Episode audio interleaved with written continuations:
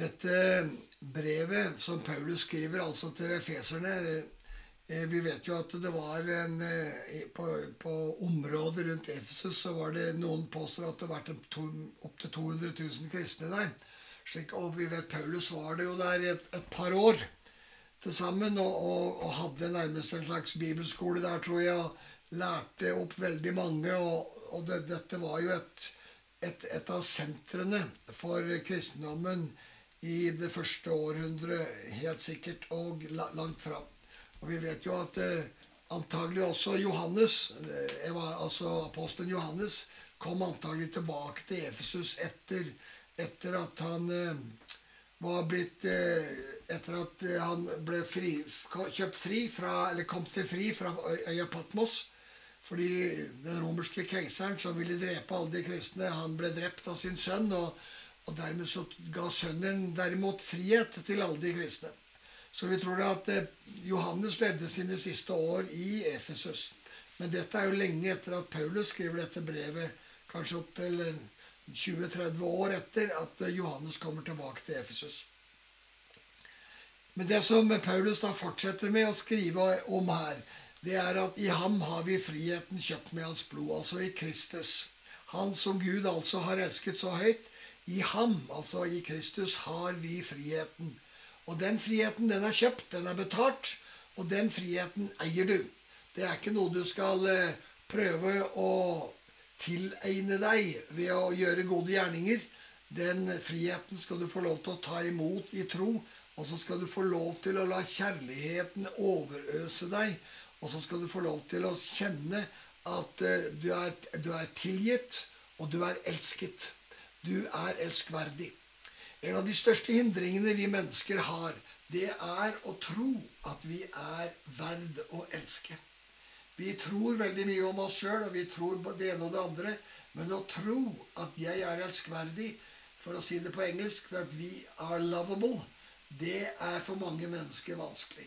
Og når vi sliter med å tro at vi er, at vi er verd å elske, så har vi også ofte trøbbel med å tro at Gud elsker oss. For hvordan kan Gud elske en som ikke er verd å elske? Og da er det at du må få lov til å legge dette fram for Gud og be Han lære deg å kjenne at du kan kjenne at du er elsket. På tross av dine feil, på tross av skyld og skam og mangler og alt du ikke har fått til, og alt du ja, nær sagt har fått til, så er du altså elskverdig. Du er elskverdig fordi du er skapt av Han i Hans bilde, og ikke noe annet er det som gjør at du er elskverdig. Det er ikke dine menneskelige kvaliteter og som andre mennesker måtte vurdere hos deg, som gjør deg elskverdig. Men det er Gud som gjør deg elskverdig, og han sier 'Jeg elsker deg', fordi du er skapt av meg, og jeg vil ha deg. Og derfor, og på det grunnlaget er det også da at eh, når, når vi er frikjøpt, når vi altså er kjøpt tilbake Vi som var satt fast. Vi som ikke var erfarte oss elsket. Fordi det er først når vi er i Kristus at vi kan virkelig erfare Guds kjærlighet og erfare at vi er elsket. Og vi er jo kjøpt med Hans blod. Og det er viktig for oss å forstå at vi er kjøpt tilbake med Hans blod. For vi var jo Guds barn fra, fra begynnelsen av. Men når vi blir kjøpt med Jesu blod, så er, det, så er det jo vi som er blitt rota oss bort, som nå blir kjøpt tilbake med Hans blod. Vi blir ikke, vi blir ikke på en måte Guds skapninger ved å bli født på ny. Men vi får tilgivelse, vi får syndernes forlatelse, og vi får den friheten i Kristus som er kjøpt, oss, kjøpt til oss. Og vi kan få lov å bevege oss ut av kjødet og syndens elendighet. Og dette er det som er nøkkelen for et, for et, et rikt og, og, og sterkt liv. Fordi, fordi Paulus, når han sier dette her I ham har vi friheten kjøpt med hans blod, tilgivelse for syndene. Så rik er Guds nåde. Altså Guds nåde, den er ikke billig. Og den er ikke enkel. Den er dyrekjøpt. Den er kostbar. Det koster Gud alt. Det kostet far å gi sin egen sønn. Det kostet Kristus å gi sitt liv. Så den er dyrekjøpt. Men den er rik. Guds nåde er rik. Altså at du er hans favoritt. at du har hans favør. Og når du da tror det, og det er det du, det, det du trenger å, å våge å si Takk, far, at jeg er din favoritt. Takk at du elsker meg like mye som alle andre mennesker. Ja, faktisk så elsker du meg like mye som du elsker din egen sønn Jesus Kristus. Og Det vil du finne i Johannes 17, 23.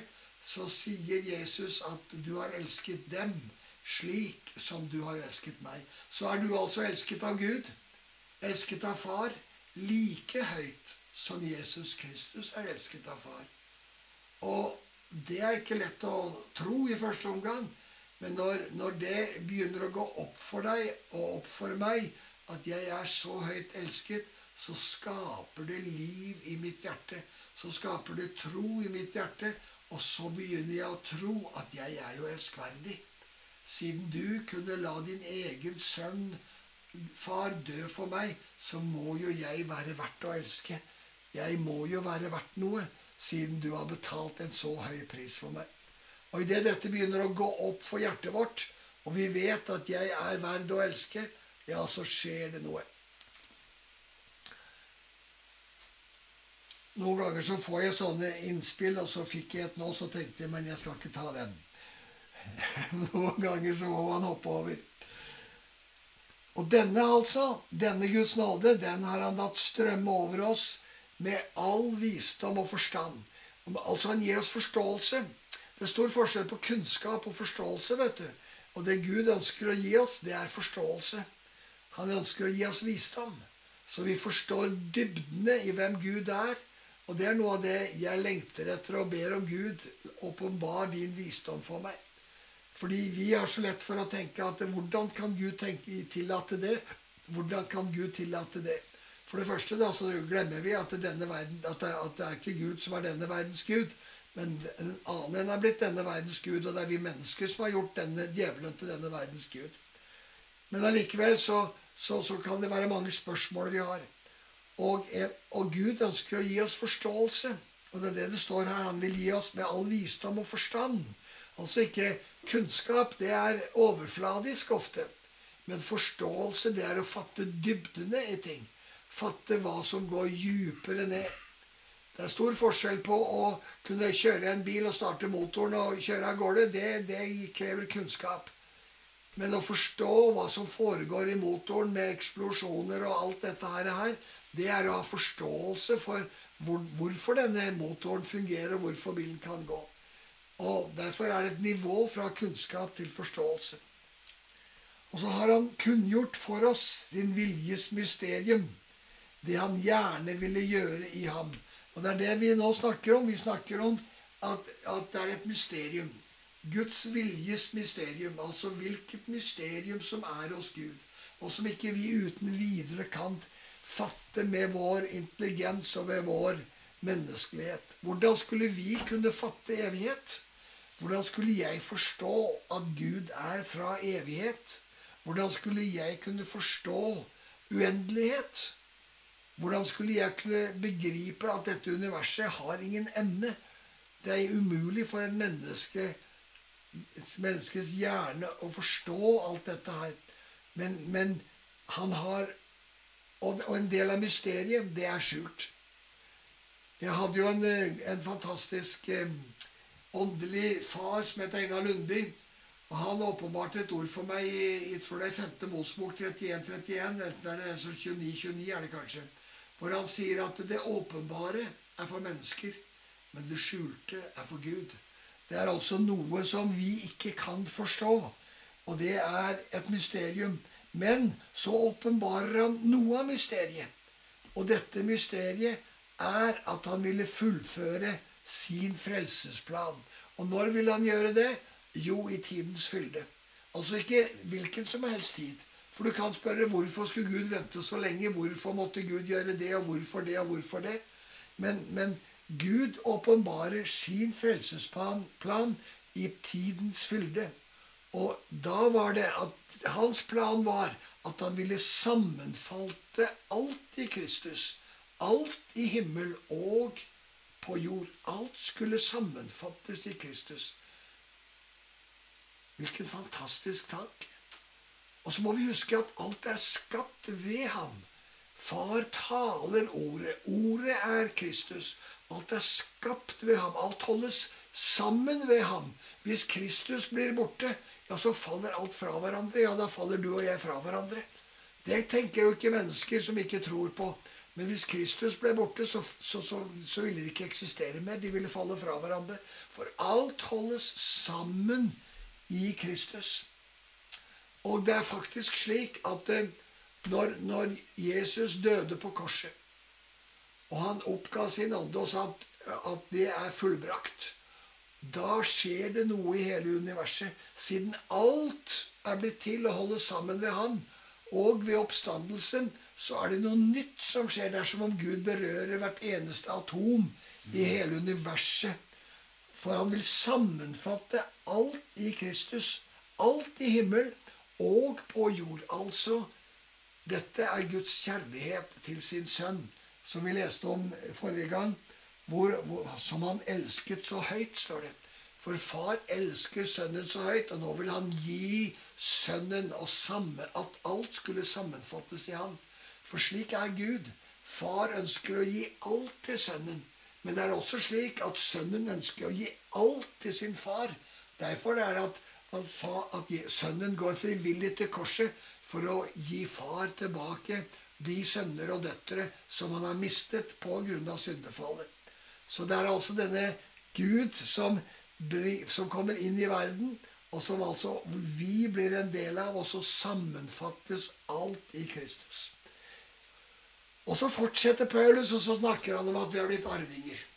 Tenk at vi har fått arv. En arv.